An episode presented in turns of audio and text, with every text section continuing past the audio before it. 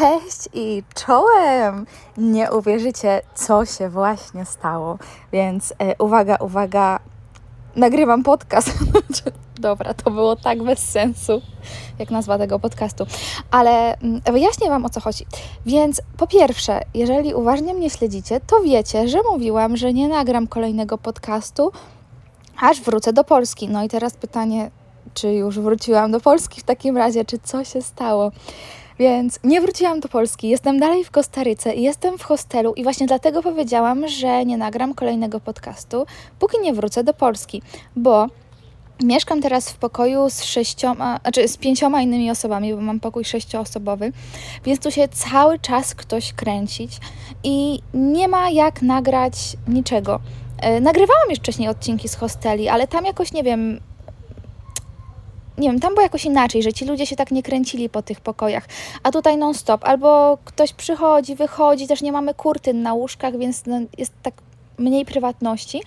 I ludzie są, mam wrażenie, że głośniejsi, na szczęście nie w nocy, przynajmniej nie większość, i do tego jeszcze mamy wiatrak, bo nie mamy klimy. Tam była klima, tu nie ma klimy, więc jest wiatrak, który musi chodzić cały czas na maksa, bo inaczej idzie się ugotować. Serio, ostatnio jest tutaj tak gorąco. Ja jestem pierwszy raz w miejscu, w którym jest za gorąco i naprawdę chętnie bym, jakby mi ktoś zaoferował bilet na Islandię, to wsiadam do samolotu.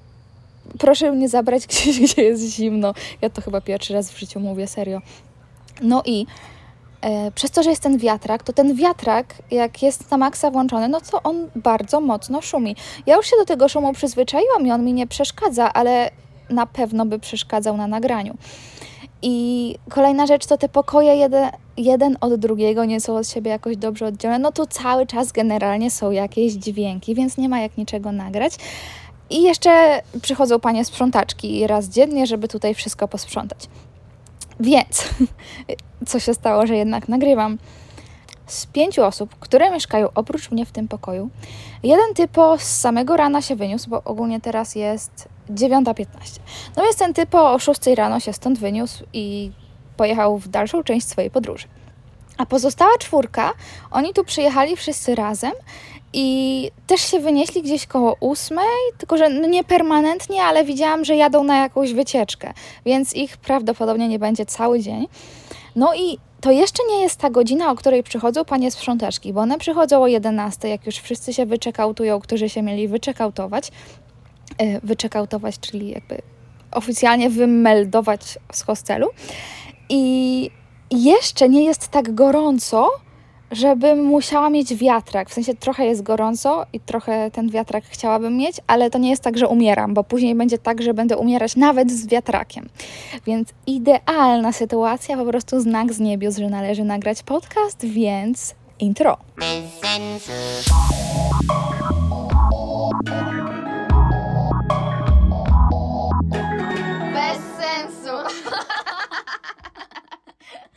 W ogóle to, ruszyły zapisy na wszystkie moje kolonie. Ja wiem, że to już raczej mówiłam, ale było bardzo dużo zmian z kolonią surfingową. Ona najpierw miała być, później miała być gdzie indziej, później miała być inaczej i tak to się strasznie plątało, bo ta szkółka, w której miałam robić tą kolonię, to w końcu właściciel tą szkółkę sprzedał. No i tam jest taki chaos chwilowo, bo ktoś to przejmuje, no bla bla bla bla bla bla. W każdym razie. Yy ta szkółka wycofała się z obozów na ten rok, więc musiałam zorganizować ten obóz w innym miejscu i znalazłam super miejsce. Nazywa się Akademia Surfingu y, i to jest taka szkółka surfingu w Jastarni.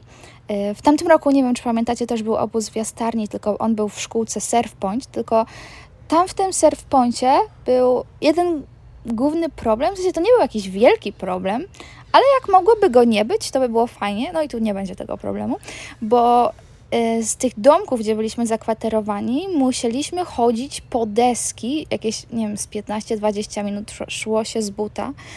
E, I to było strasznie męczące, jak dwa razy dziennie, bo dwa razy dziennie chodziliśmy na surfing, dwa razy dziennie trzeba było iść 20 minut w jedną stronę, wziąć tam deskę.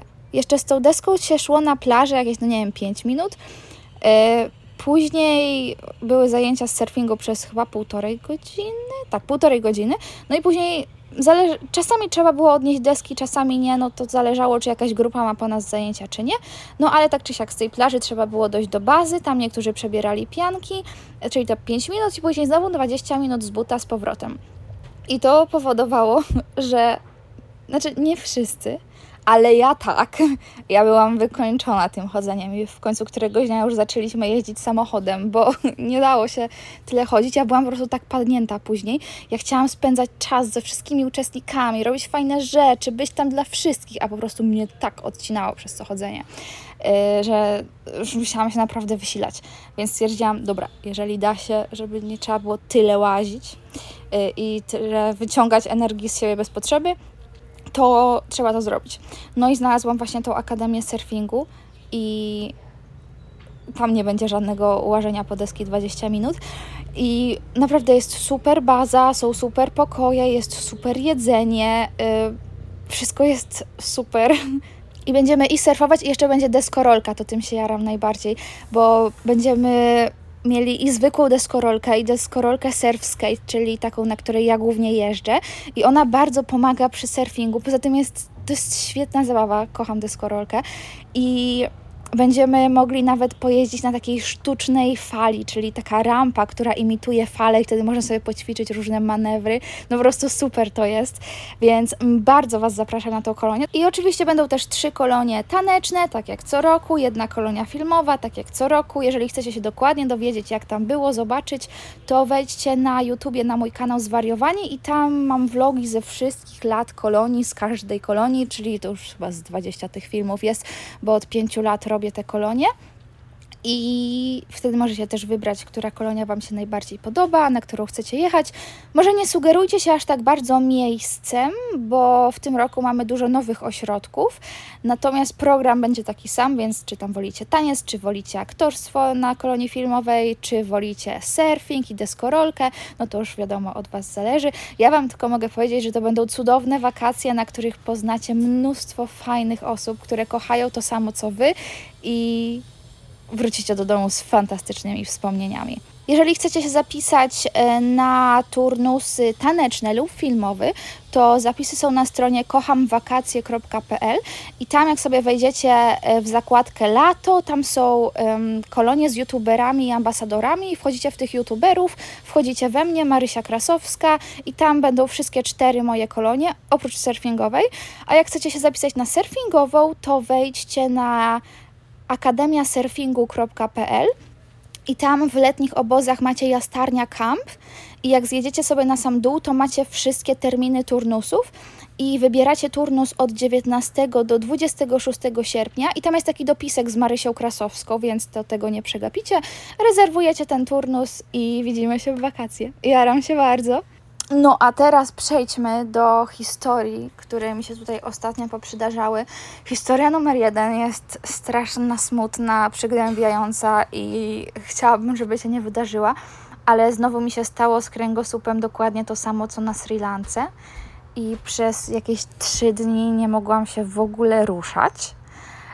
To był tak okropny ból, że nawet nie jestem w stanie tego wyrazić. Jakby w skali bólu od 0 do 10, gdzie 0, no gdzie 0 to brak bólu, yy, a 10 to jest taki ból, że po prostu no tortury, no nie da się tego wyobrazić, nie da się tego opisać, to bym dało, dała temu takie 9, bo serio ciężko mi sobie wyobrazić gorszy ból, ale też wydaje mi się, że no nie wiem, no tortury muszą być gorsze.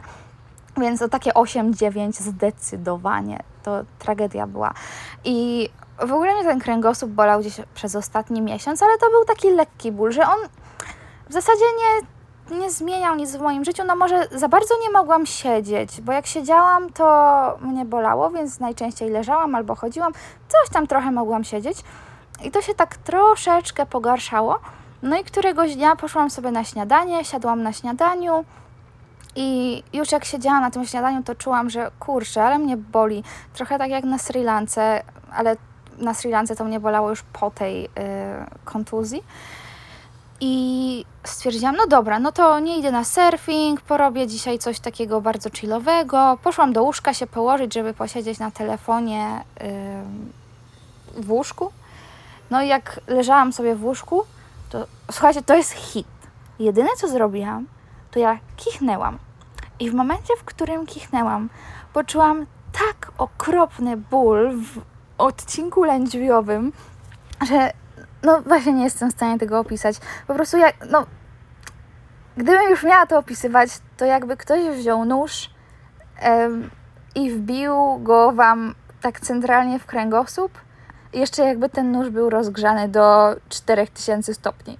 To było coś takiego, ja, ja myślałam, że umrę w tym momencie i to było tak, że kichnęłam i poczułam ten ból i ja nie byłam w stanie się ruszyć. Byłam jak sparaliżowana, bo każdy ruch powodował jeszcze większy ból, o ile to w ogóle możliwe.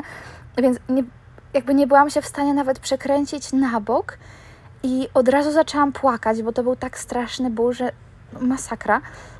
I akurat wtedy w moim pokoju było dwóch takich chłopaków i oni tak, ej, wszystko okej, co się stało? No ja im właśnie mówię, że już miałam kiedyś coś takiego i że kręgosłup mnie strasznie boli. Oni tak, ale od kichnięcia? No ja się wtedy zaczęłam bardziej płakać, bo to było tak już takie beznadziejne. No i się zapytali, co mogą zrobić i powiedziałam, żeby poszli po moją przyjaciółkę Irenę. Ona pracuje na recepcji, no i ona przyszła, uspokoiła mnie, posiedziała ze mną. Zadzwoniła po lekarza, przyjechał lekarz, dał mi zastrzyki, em, jakieś tam leki poprzepisywał. No i ogólnie przez pierwszy dzień to jak musiałam pójść do łazienki, to to było wejście, jak wejście na Mount Everest, naprawdę. Bo najgorsze jest to, że ja nie mam tu łazienki w pokoju, tylko do łazienki trzeba zejść schodami jedno piętro i to jest takie bardzo wysokie piętro, trochę jak dwa piętra. I później trzeba przejść korytarzem tak z 20 metrów i dopiero tam jest ta łazienka. Więc dla mnie zrobienie nawet trzech kroków to było coś strasznego, więc ja przez pierwszy dzień w ogóle bałam się cokolwiek pić, żebym nie musiała iść do łazienki. No jak już musiałam iść do łazienki, to myślałam, że umrę. I jak później padłam z powrotem na łóżko, to myślałam znowu, że umrę. To był dramat. Drugi dzień był odrobineczkę lepszy, ale dalej było bardzo źle. W trzeci dzień już no, byłam w stanie się bardziej dostać do tej łazienki, ale dalej było tragicznie. No i wtedy też przyjechał do mnie kręgarz, którego poleciła mi jeszcze inna koleżanka stąd i on mnie bardzo postawił na nogi. Zaczęłam od razu prościej chodzić. Powiedział mi, że powinnam jak najwięcej chodzić. Znaczy, no, bez przesady, ale żeby jednak trochę chodzić, a nie tylko leżeć i wtedy będzie mi się poprawiało. I miał rację. Yy, zaczęłam chodzić w takim pasie specjalnym, uciskowym na brzuch, który też mi przyniósł. I ogólnie nie polecam e, kontuzji kręgosłupa, bo nie dość, że nie mogę teraz surfować, chociaż dzisiaj, dzisiaj jest chyba pierwszy dzień, kiedy pójdę na surfing, nawet tak na 15 minut, ale po prostu, żeby wejść do wody, bo już tak za tym tęsknię, a minęły ponad dwa tygodnie od tej kontuzji i nie surfowałam od tamtej pory, w zasadzie prawie nic nie robiłam, tylko na spacery chodzę, więc bardzo za tym tęsknię. E, w ogóle zgadnijcie, ile wydałam na tego lekarza, żeby tu przyjechał i dał mi dwa zastrzyki i przepisał leki. 5 sekund, żebyście powiedzieli sobie w głowie jakąś kwotę. Uwaga, uwaga. Jakieś 970 zł. Tak, to było. Znaczy, to było 220 dolarów i to chyba wychodziło jakoś 970 zł. No więc szalona kwota, ale to przynajmniej mi zwrócą z ubezpieczenia. Natomiast y, później na kręgarza byłam u niego trzy razy, to 50 dolarów za każdą wizytę, no to jest jakieś 220-230 zł. Y, I tego już mi nikt nie odda, bo przez to, że on nie jest lekarzem i nie może mi wystawić takiej jakby no nie wiem, żadnego papierka lekarskiego, no to moje ubezpieczenie już tego nie akceptuje. Nieważne, że ten lekarz to prawie wcale mi nie pomógł, a ten kręgarz pomógł mi bardzo, no tak niestety działa to ubezpieczenie i każde ubezpieczenie. Więc no cóż, życie. Ale to były dobrze wydane pieniądze na tego kręgarza, bo naprawdę nikt mnie nigdy tak nie postawił na nogi jak ten człowiek. No ale odchodząc od tematu bólu kręgosłupa, może opowiem Wam coś e, radosnego, coś śmiesznego. O, wiem, wiem, wiem, co Wam opowiem. Więc jeżeli jeszcze nie wiecie, to ta miejscowość, w której jestem, to jest jedna długa ulica. I są takie niby boczne uliczki, ale to tam przy nich są po trzy domy, a później już jest dżungla. Więc tak, to jest taka jedna, jedna długa ulica, taka, jak taka wieś łańcuchowa. No i wszyscy tu jeżdżą albo samochodami takimi bardziej terenowymi, albo najczęściej kładami, albo naj, najczęściej motocyklami. I przez to, że tu też... Oj, czy ktoś tam odpala kosiarkę? Nie wiem, co tam się dzieje. No nieważne, zignorujmy to. No i przez to, że um, tu nie ma za bardzo żadnej policji, to jest takie trochę bezprawie, w sensie, że ludzie sobie mogą robić co chcą, prawie nikt tu nie jeździ w kasku, jest mnóstwo motocykli, które nawet nie są zarejestrowane, po prostu ludzie potrzebują się przemieszczać, więc kupują jakikolwiek stary motocykl i jeżdżą tym gratem, y, jakim się tylko podoba. No i ostatnio idę sobie na lody i idę tą ulicą. Nawet nie ma chodnika, więc wszyscy po prostu tą jedną ulicą. Na szczęście wszyscy też wolno jeżdżą, więc nie widziałam żadnego wypadku. Słyszałam, że bywają, ale też raczej nie, nie jakieś takie straszne, no bo tu się raczej nikt nie rozpędzi więcej niż 30 na godzinę albo tam jakieś 25. Zazwyczaj to się jedzie tak z 15. No i idę sobie na te lody i obok mnie przejeżdża motocykl i na nim siedzi trzech typów i to wiecie, to nie jest taki wielki motocykl, to jest taki malutki mot motocykluś. Na tym motocyklusiu siedzi trzech typów. Ja nie wiem, jak oni się tam zmieścili, ale naprawdę ledwo się dwie osoby mieszczą na takim motocyklu. A goście jechali w trzech i jeszcze wieźli ze sobą trzy deski surfingowe. Ja nie wiem w ogóle, jak oni je trzymali. To wyglądało tak abstrakcyjnie. No ja zaczęłam się śmiać i zaczęłam wysyłać głosówkę do Oli, żeby jej opowiedzieć, co się właśnie stało. I w momencie, kiedy zaczęłam nagrywać tą głosówkę, to przejechał rower i ten rower, to też wiecie, taki no najbardziej taki złomiasty rower świata, że to jest zwykła rama i taki płaski bagażnik. I e, ty poprowadził ten rower i na tym bagażniku stała typiara, która stała na na bagażniku, na prostych nogach i trzymała się tego typa tylko za łopatki, jakby, jakby w jakimś cyrku byli normalnie i robili objazd po mieście, jeszcze byli ubrani na, na kolorowo. W sumie tu wszyscy są ubrani na kolorowo, to mi się tu bardzo podoba. No więc ci ludzie naprawdę jeżdżą jak chcą. Ostatnio, nie wiem, czy to Wam to mówiłam w podcaście, też typ jechał w kasku, tylko on sobie nie ubrał tego kasku tak, żeby na całą głowę go ubrać, bo to są takie kaski, że one też obejmują jakby szczękę. No wiecie, takie, takie pełne kaski motocyklisty. Tylko on sobie ten kask założył trochę jak beret i jechał w tym tak śmiesznie. Coś mi tu lata. Czy to jest jakaś osa? Ewakuacja, ewakuacja. Dobra, niech to się stąd wynosi. Na szczęście lata powoli, nie jak opętane, bo jak mówiłam, ja nie lubię opętanych zwierząt. Póki to lata powoli, to nie mam z tym większego problemu. Ej, gdzie to zniknęło? Dobra, będę stać na środku pokoju. A w ogóle wracając do tematu zmierzchu, bo kiedyś był tutaj e, odcinek podcastu i to jest odcinek, którego słuchacie najwięcej i najczęściej. To jeden odcinek tego podcastu to jest e, Bella i Edward muszą pilnie iść do terapeuty, czy coś takiego. I właśnie w, tym, w tamtym odcinku z Majką hejtowałyśmy zmierzch. No i ostatnio, nie pamiętam co się stało, ale gadałam z moim przyjacielem Endym, tym z Australii, i jakoś zeszło na temat zmierzchu. Nie pamiętam totalnie o co chodziło. No i przez to, że Andy jest pierwszym facetem, z którym w ogóle rozmawiałam o zmierzchu, to dla mnie jego perspektywa była szokująca. No bo wiecie, jako dziewczyna, która zawsze oglądała ten film albo z dziewczynami, albo gadała o tym filmie z dziewczynami, no to o czym się gada? No Team Edward versus Team Jacob.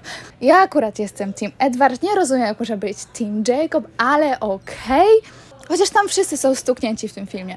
Ale Andy powiedział, że on oglądał ten film jakoś ze swoimi ziomkami, tak dla beki, i nie mogli się nadziwić, dlaczego dwóch atrakcyjnych facetów poleciało na dziewczynę, która jest nudna i nigdy się nie uśmiecha. I serio, ja nie wiem dlaczego ja nigdy o tym nie pomyślałam, ale to serio jest prawda. No i oni właśnie tak na nią zrzędzili. I że nie ma żadnych zainteresowań i nic nie robi ze swoim życiem. I no jak można w ogóle polecieć na kogoś takiego? I później jak się pojawiły te takie y, notki na Instagramie, że wiecie, takie statusy, gdzie muszę tam napisać parę słów, to ja raz napisałam Team Edward versus Team Jacob i pytajnik, żeby kto będzie chciał, to żeby mógł odpowiedzieć. No i Andy mi napisał, no na pewno nie Team Bella. A w ogóle, jeżeli jeszcze chodzi o te wycieczki do kibla, w sensie jak mnie bolał kręgosłup i musiałam iść do łazienki, to w ogóle jak to się stało, to napisała do mnie Anita, moja przyjaciółka z Book Reviews by Anita. I Anita wtedy była po operacji e, woreczka żółciowego, jeśli dobrze pamiętam. No i ona też to właśnie ogłaszała na swoim Instagramie, tak żeby zwiększyć świadomość ludzi, żeby ludzie chodzili na badania, robili USG brzucha. E, I teraz wiem, że jak tylko wrócę do Polski, idę na USG brzucha, bo to jest bardzo ważne badanie i trzeba się badać, żeby zapobiegać takim tragediom. No i właśnie to było cudowne, że my się obie rozumiałyśmy, jak ciężko jest wstać, jak ciężko jest chodzić, jak ciężko jest iść do kibla na początku po takich rzeczach. I um, właśnie jak już poszłam pierwszy raz do tego kibla, no to melduję Anicie, Anita, udało się, dotarłam, wróciłam, jest dobrze. Boli jak nie wiem co, ale jest dobrze. No i... Yy, w kolejnych dniach już byłam taka załamana, że nie, no to już się nigdy nie poprawi, że już nie będzie dobrze, że ja już do końca życia taka będę i że dramat. No i Anita mówi, że oczywiście, że będzie dobrze. Stara, zdobędziesz Mount Everest. I już zdobyłaś, byłaś w kiblu. to było piękne, aż sobie to musiałam zapisać na podcast. Ale serio, docencie, że możecie iść o własnych siłach do toalety. To jest najlepsza rzecz w życiu, jeżeli nikt Wam nie musi pomagać, żeby się załatwić. Serio. Naprawdę nie każdy na tym świecie ma ten przywilej. Docencie, że możecie chodzić, że możecie ćwiczyć, że możecie że macie dwie ręce, że macie dwie nogi. W ogóle to mam nowy ulubiony podcast. Nazywa się Wizards of Waverly Pod i prowadzi go Jennifer Stone i David DeLuise, czyli aktorzy, którzy grali w Czarodziejach z Waverly Place e, Tate i Harper. I Czarodzieje z Waverly Place razem z Hannah Montaną to są moje dwa ulubione seriale dzieciństwa i dalej je kocham, to są po prostu najlepsze seriale ever. I w ogóle dzisiaj wychodzi nowy sezon Outer Banks. O matko, nie mogę się doczekać. Specjalnie obejrzałam dwa poprzednie sezony. Dobra, to już wiem, co będę robić po nagraniu tego podcastu. No ale wracając do Czarodziejów z Waverly Place. Właśnie ten podcast dopiero został utworzony, chyba wyszły dopiero trzy odcinki, więc to jest idealny moment, żeby się wkręcić i nie mieć dużych zaległości. To Wam też może pomóc e, w nauce angielskiego, jeżeli się uczycie angielskiego, bo oni mówią bardzo tak czysto i wyraźnie. Jeżeli w ogóle oglądaliście Czarodziejów z Waverly Place, to warto tego serialu, może serialu, e, podcastu słuchać. Jak nie oglądaliście Czarodziejów, to nie słuchajcie, bo nic nie będziecie czaić, ale w takim przypadku obejrzyjcie Czarodziejów z Waverly Place. To jest genialny serial. Pozdrawiam pana na motorze. No i jak zaczęłam słuchać tego podcastu, to przypomniałam sobie właśnie też o Hanie Montanie i przypomniałam sobie w ogóle, jak poznałam Hanę Montanę i jak w ogóle weszłam w ten świat Disney Channel, bo to była era w moim życiu, która bardzo dużo zmieniła w moim życiu i stwierdziłam, że Wam to opowiem, yy, bo czemu nie? Wiem, że nikt nie pytał, ale w ogóle ten podcast powinien się nazywać Nikt nie pytał, ale bo na tym to wszystko polega. To było tak. Jak byłam dzieckiem, to ja zawsze byłam bardziej dziecinna niż dzieci w moim wieku. W sensie intelektualnie ja byłam bardzo rozwinięta i zazwyczaj byłam jedną z najmądrzejszych osób w klasie. Zawsze miałam najlepsze oceny, jakieś takie, wiecie, myślenie y, logiczne, to u mnie było po prostu top, top, top, top, top. Ale jak na przykład, nie wiem, moje koleżanki już chciały chodzić na jakieś dyskoteki szkolne i tak dalej, to ja wolałam y, zostać w domu i oglądać bajki. I jak już wszyscy na przykład zaczęli oglądać jakieś seriale na Disney Channel, to ja dalej oglądałam Olinka Okrąglinka.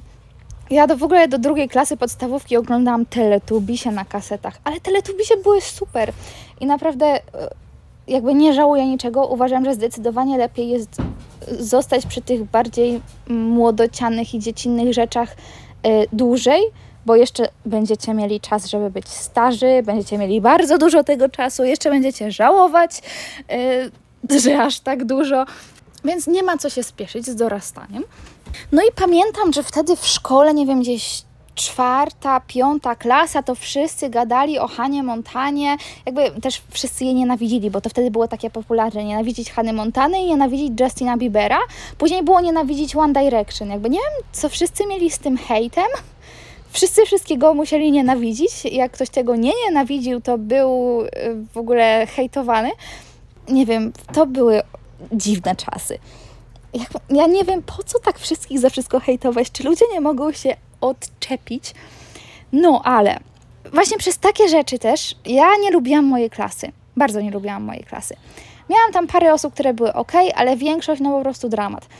I jak moja klasa w piątej klasie, tak, to była pią- tak, w piątej, jak moja klasa w piątej klasie, Boże, mam wrażenie, że się nie wypowiadam po polsku, ale jak moja klasa w piątej klasie pojechała na jakąś zieloną szkołę, gdzieś tam chyba trzydniową czy coś takiego, i ja strasznie nie chciałam z nimi jechać, po prostu nie chciałam spędzić z tymi ludźmi ani minuty więcej niż musiałam.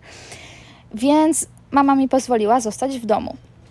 No i ona też się trochę martwiła, że ja tak cały czas siedzę w domu i nie spotykam się z rówieśnikami, bo znaczy to nie było tak, że ja cały czas siedzę w domu, bo ja bardzo dużo siedziałam na podwórku, tylko że tam miałam dwójkę przyjaciół bardzo dobrych, ale oni byli, byli ode mnie młodsi. E, jedna dziewczyna była młodsza o prawie 5 lat, a chłopak był młodszy o 4 lata.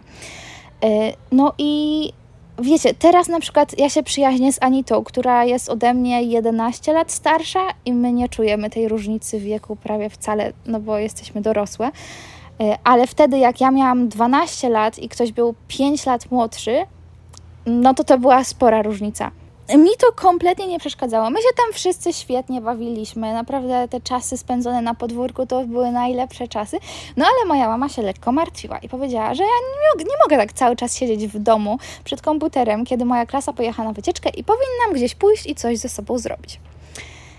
Moja mama chyba teraz żałuje tej decyzji. Nie no, teraz już może nie, ale na pewno przez jakiś czas bardzo żałowała tego, co potem zrobiła, bo moja mama zobaczyła, co grają w kinie. Stwierdziła, no, może bym poszła do kina, żeby się gdzieś ruszyć. I wysłała mnie do kina na Hannę Montanę, bo wtedy właśnie wyszedł e, Hanna Montana film i był w kinach. Ja, nie, ja w ogóle wiedziałam tylko ze szkoły, że wszyscy to hejtują, ale nie miałam zielonego pojęcia, kim jest ta cała Hannah Montana, bo my w domu mieliśmy chyba cztery kanały w telewizorze, no może osiem i na pewno nie było tam Disney Channel. Y, to były też czasy, kiedy YouTube zaczynał raczkować, w ogóle w internecie nic nie było, nikt nie miał smartfonów, wszyscy mieli te takie telefony, że trzeba było trzy razy przycisnąć klawisz, żeby się litera C pojawiła. I no ogólnie dostęp do technologii, do, do internetu był średni. Boże, brzmi jak jakiś dinozaur. No więc to nie było tak, że gdzieś tam sobie scrollowałam TikToka i tak czy siak musiałam się natknąć na tą Hannah Montanę. Nie, po prostu ja nie miałam zielonego pojęcia, co, co to jest i o co chodzi. No i e, poszłam na ten film do kina. Taka niechętna, że Boże, wszyscy to hejtują, ja nie chcę, mamo, dlaczego mnie wysyłasz? No ale dobra, jak już muszę, to muszę. E, poszłam na ten film, no i się zakochałam. Po prostu się zakochałam w Hanie Montanie. Stwierdziłam, że to jest zarąbisty film, ekstra, wow, mega kocham, 11 na 10. I jak tylko wróciłam do domu, to odpaliłam jedyny komputer, jaki mieliśmy w domu, i weszłam na YouTube i to też były takie fajne czasy y, właśnie takiego bezprawia, które jest w Kostaryce, takie bezprawie na drogach, że ludzie sobie robią to, co chcą, to, co potrzebują. Y, to wtedy to było na YouTubie nie było za bardzo jakichś praw autorskich. Ludzie wrzucali na YouTube'a wszystko. I wszystkie odcinki Hany Montany znalazłam na YouTubie. Więc pamiętam, że przez cały wieczór tego samego dnia oglądałam Hanę Montanę, śmiałam się do ekranu. Moja mama zaczęła żałować, że mnie na to wysłała. Powiedziała, co ty za głupoty oglądasz? No i powiedziałam, mamo, to jest cudowny serial, jest śmieszny, jest fajny, ja chcę oglądać dalej. No i Później były wakacje, więc obejrzałam wszystkie odcinki e, Hany Montany, które wyszły po polsku. Później zaczęłam się wkręcać w inne seriale Disney Channel. Wszystko na YouTubie oczywiście, bo nie miałam gdzie indziej tego oglądać. Nie ma to jak, nie ma to jak Hotel też wtedy leciało. To też oglądałam, też było super.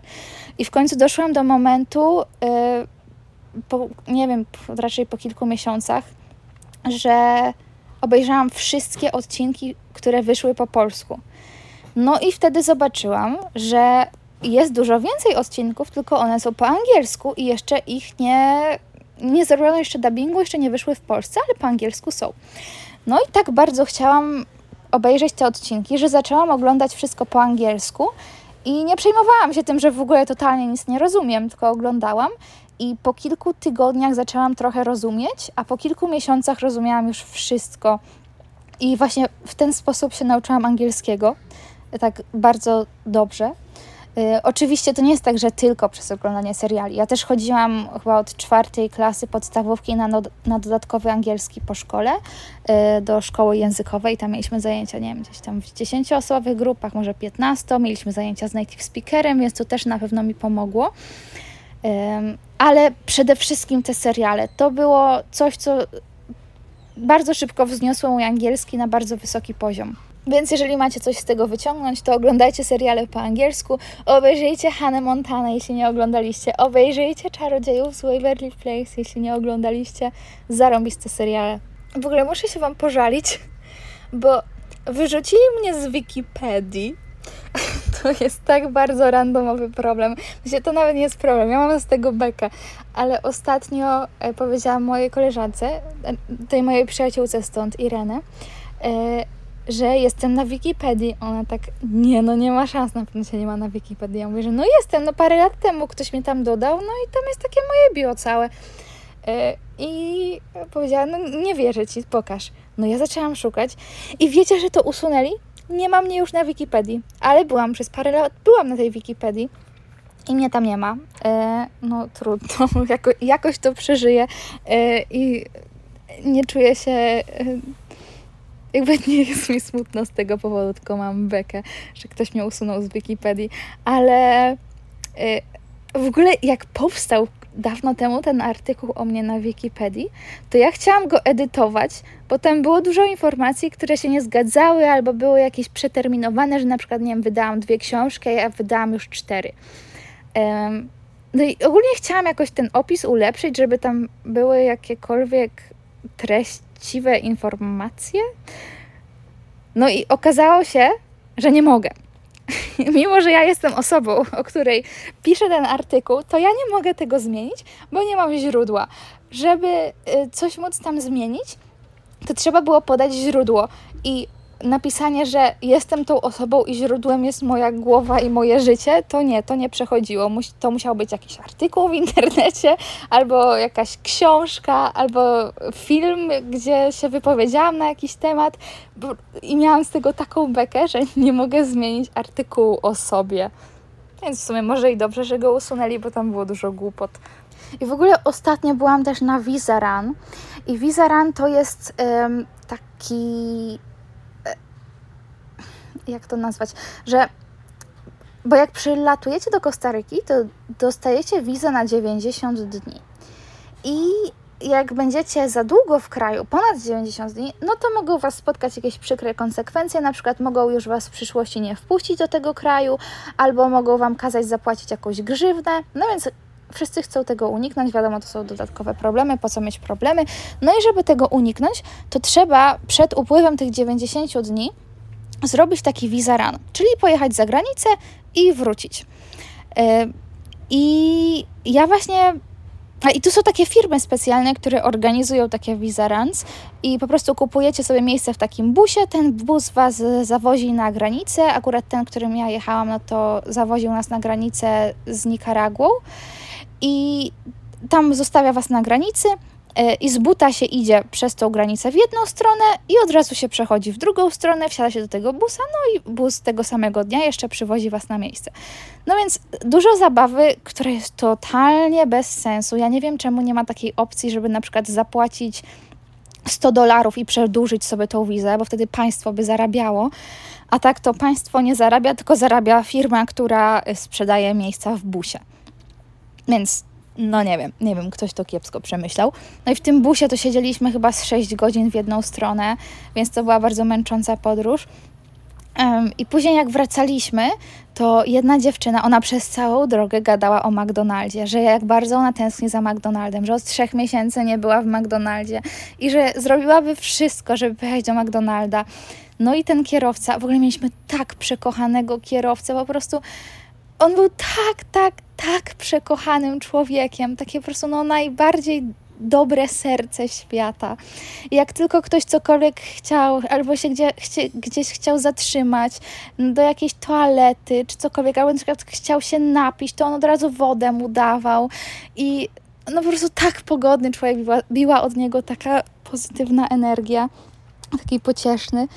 Y, I właśnie ta dziewczyna go poprosiła, żebyśmy pojechali do McDonalda i zawiózł nas do McDonalda, bo przejeżdżaliśmy przez takie jedno bardzo duże miasto, gdzie był McDonald. I powiedział, tylko nie mówcie mojemu szefowi, bo wtedy mnie zwolni, bo to jest y, zabronione, żeby się zatrzymywać tutaj. Ale więc wszyscy oczywiście spokojnie, spokojnie, my nic nie powiemy. Dzięki, kochany Jose, bądź chyba Jose nazywał. No i jak wysiedliśmy z tego busa przy tym maku i poczułam ten zapach, to po prostu myślałam, że się rozpłoszczę ze szczęścia. Naprawdę, ja nie jestem wielką fanką McDonalda. McDonald's jest ok, lubię ich wrapy, ale zazwyczaj jem tam tylko na autostradach, bo no, to nie jest jakieś tam najlepsze jedzenie. No to powiedzmy, nie wiem, no może raz w miesiącu, raz na dwa miesiące, czasami raz na trzy miesiące zjem w maku. I to nie jest dla mnie jakaś tam największa na świecie atrakcja. Ale tutaj, po tym jak przez trzy miesiące byłam w tym jednym, w tej, w tej jednej małej miejscowości i chodzę codziennie do tych samych knajp, codziennie jem praktycznie to samo i już po prostu mam tak dość tego jedzenia, bo e, przez większość czasu to we, w każdym daniu jest ryż z fasolą. Jak nie chcę mieć czegoś w czymś ryż z fasolą, to mogę iść tak, albo na burgery, gdzie zawsze biorę tego samego burgera, bo tam jest jeden taki najlepszy burger, no ale ileż razy można jeść tego samego burgera. Albo idę na burrito, ale no ileż razy można jeść to samo burrito. Albo idę na pad ale ileż razy można jeść tego pad I to są chyba wszystkie opcje. Jest więcej restauracji, ale to już są takie mega drogie restauracje. Na przykład jest pyszna pizzeria, ale tam pizza, ostatnio zapłaciłam 94 zł za pizzę, samą pizzę, bez żadnych napojów, niczego. No więc nie będę tam chodzić codziennie. Raz na miesiąc to mogę się wybrać, ale bez przesady. No więc ja już mam tak dość tego jedzenia tutaj. Więc ten McDonald's to naprawdę był cudownym doświadczeniem. I mimo, że ja nie przepadam za tym zapachem na co dzień, to po prostu to był tak cudowny zapach. Wchodzimy do tego maka, wszyscy uśmiechnięci na maksa. I w ogóle McDonald's y, w Kostaryce wygląda tak jak McDonald's u nas jakieś, nie wiem, 10 lat temu, jak jeszcze nie było tych takich y, maszyn, gdzie można zamawiać, tylko wszystko się zamawiało u kasjerów i wszystko było czerwono-żółte. Y, to tam dalej właśnie wszystko jest czerwono-żółte zamawia się u kasjera i jest tak troszkę niższy standard, w sensie wszystko jest takie jakby cały budynek jest taki starszy po prostu i dalej jest taka sala zabaw w środku. Kiedyś były właśnie sale zabaw w środku w McDonaldach. I zamówiłam sobie nuggetsy. W ogóle 10, bo nie było chyba albo 4, albo 10, albo 20, nie było innych opcji. Yy, więc zamówiłam te 4, yy, Boże, yy, te 10. E, z sosem słodko-kwaśnym i smakowały identycznie jak wszędzie indziej na świecie, oczywiście. To jest, to jest aż przerażające. jeszcze sobie wzięłam jakiegoś burgera, który był bardzo przeciętny, ale byłam głodna. Ale po prostu zapach tych nuggetsów i ten smak tego sosu, no najlepsza rzecz na świecie. Jeszcze chciałam wziąć McFlurry, ale akurat nie było. Więc yy, no minus jeden dla nich. Ale po prostu wszyscy się tak cieszyli z tego McDonalda.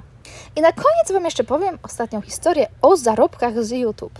E, bo nie wiem, czy ja się tutaj jarałam, czy Wam to mówiłam, ale ogólnie to zarobki z YouTube wyglądają tak. E, do tej pory, jak, był, znaczy, jak były tylko długie filmy i nie było shortsów, to wyglądało to tak, że YouTube płaci Wam za reklamę, czyli ta reklama, która się pojawia przed filmem albo reklamy w trakcie filmu, to dostajecie tam parę groszy za każdą reklamę, która się pojawi. No i ogólnie to wychodziło kilka złotych za każde tysiąc wyświetleń. Zależy też od tematu filmu, zależy jacy reklamodawcy się tam pojawiali, bo na przykład jak macie film o jedzeniu, to mogły być lepsze stawki, bo na przykład się reklamowało jakieś firmy jedzeniowe yy, przy Waszych filmach, a jak macie film, jakieś takie pierdololo o niczym, no to mniej wtedy płacili za reklamy. No ale powiedzmy tak między 2 zł a 5 zł za 1000 wyświetleń, no można było tyle zarobić. E, natomiast za shorts nie płacili nic. I Bardzo ostatnio spadają wyświetlenia ze wszystkich długich filmów, bo wszyscy się przerzucają na shorts. Zresztą sama u siebie widzę, że oglądam coraz mniej długich filmów, a coraz więcej shorts. Y, Nawet nie wiem, jakoś po prostu nie ma takich długich filmów, które mnie aż tak interesują jak kiedyś. No i wszystkim lecą zasięgi. Oprócz jakimś tam, nie wiem, topowym twórcom typu Freeze, czy jacyś tacy właśnie wielcy twórcy ze Stanów, no to oni tam dalej mają te swoje miliony, ale tak przeciętnie, no to twórcy tracą teraz. Ale na shortsach są zarąbiste wyświetlenia. Ja wyciągam miliony wyświetleń z shortsów. No i to były takie niezmonetyzowane wyświetlenia i mi było szkoda, że kurczę, czemu nikt mi za to nie płaci. Y, No i w końcu YouTube ogłosił, że będzie płacić za shortsy. I ja mam takie, Boże, w końcu będę bogata, w końcu będę sobie mogła kupić, nie wiem, no, nie wiem co, ale y, no po prostu jarałam się, że zarobię z tego. I od lutego właśnie weszły te zarobki z shorts. I to są tak śmieszne pieniądze, że za milion wyświetleń e, mogłam sobie kupić niecałą pizzę w Kostaryce. To było tak smutne. I się okazało, że te zarobki to jest około 4 lub 5 groszy za każdy tysiąc wyświetleń. Więc porównajcie sobie długi film, średnio powiedzmy 3 zł za tysiąc wyświetleń, krótki film 5 groszy za tysiąc wyświetleń. To jest jakiś żart. Naprawdę to jest żart. E, więc może do mojego portfela wpada dodatkowa stówka na tych shortsach miesięcznie. Smuteczek, no trudno. Mm, Może jednak nie będę na okładce Forbesa, jakoś to przeżyję. I tym y, bardzo optymistycznym akcentem kończę ten film. I zapisujcie się na kolonie, zanim zabraknie miejsc. I widzimy się, boże, widzimy się, słyszymy się w kolejnym odcinku, już raczej w Polsce. Pa, pa!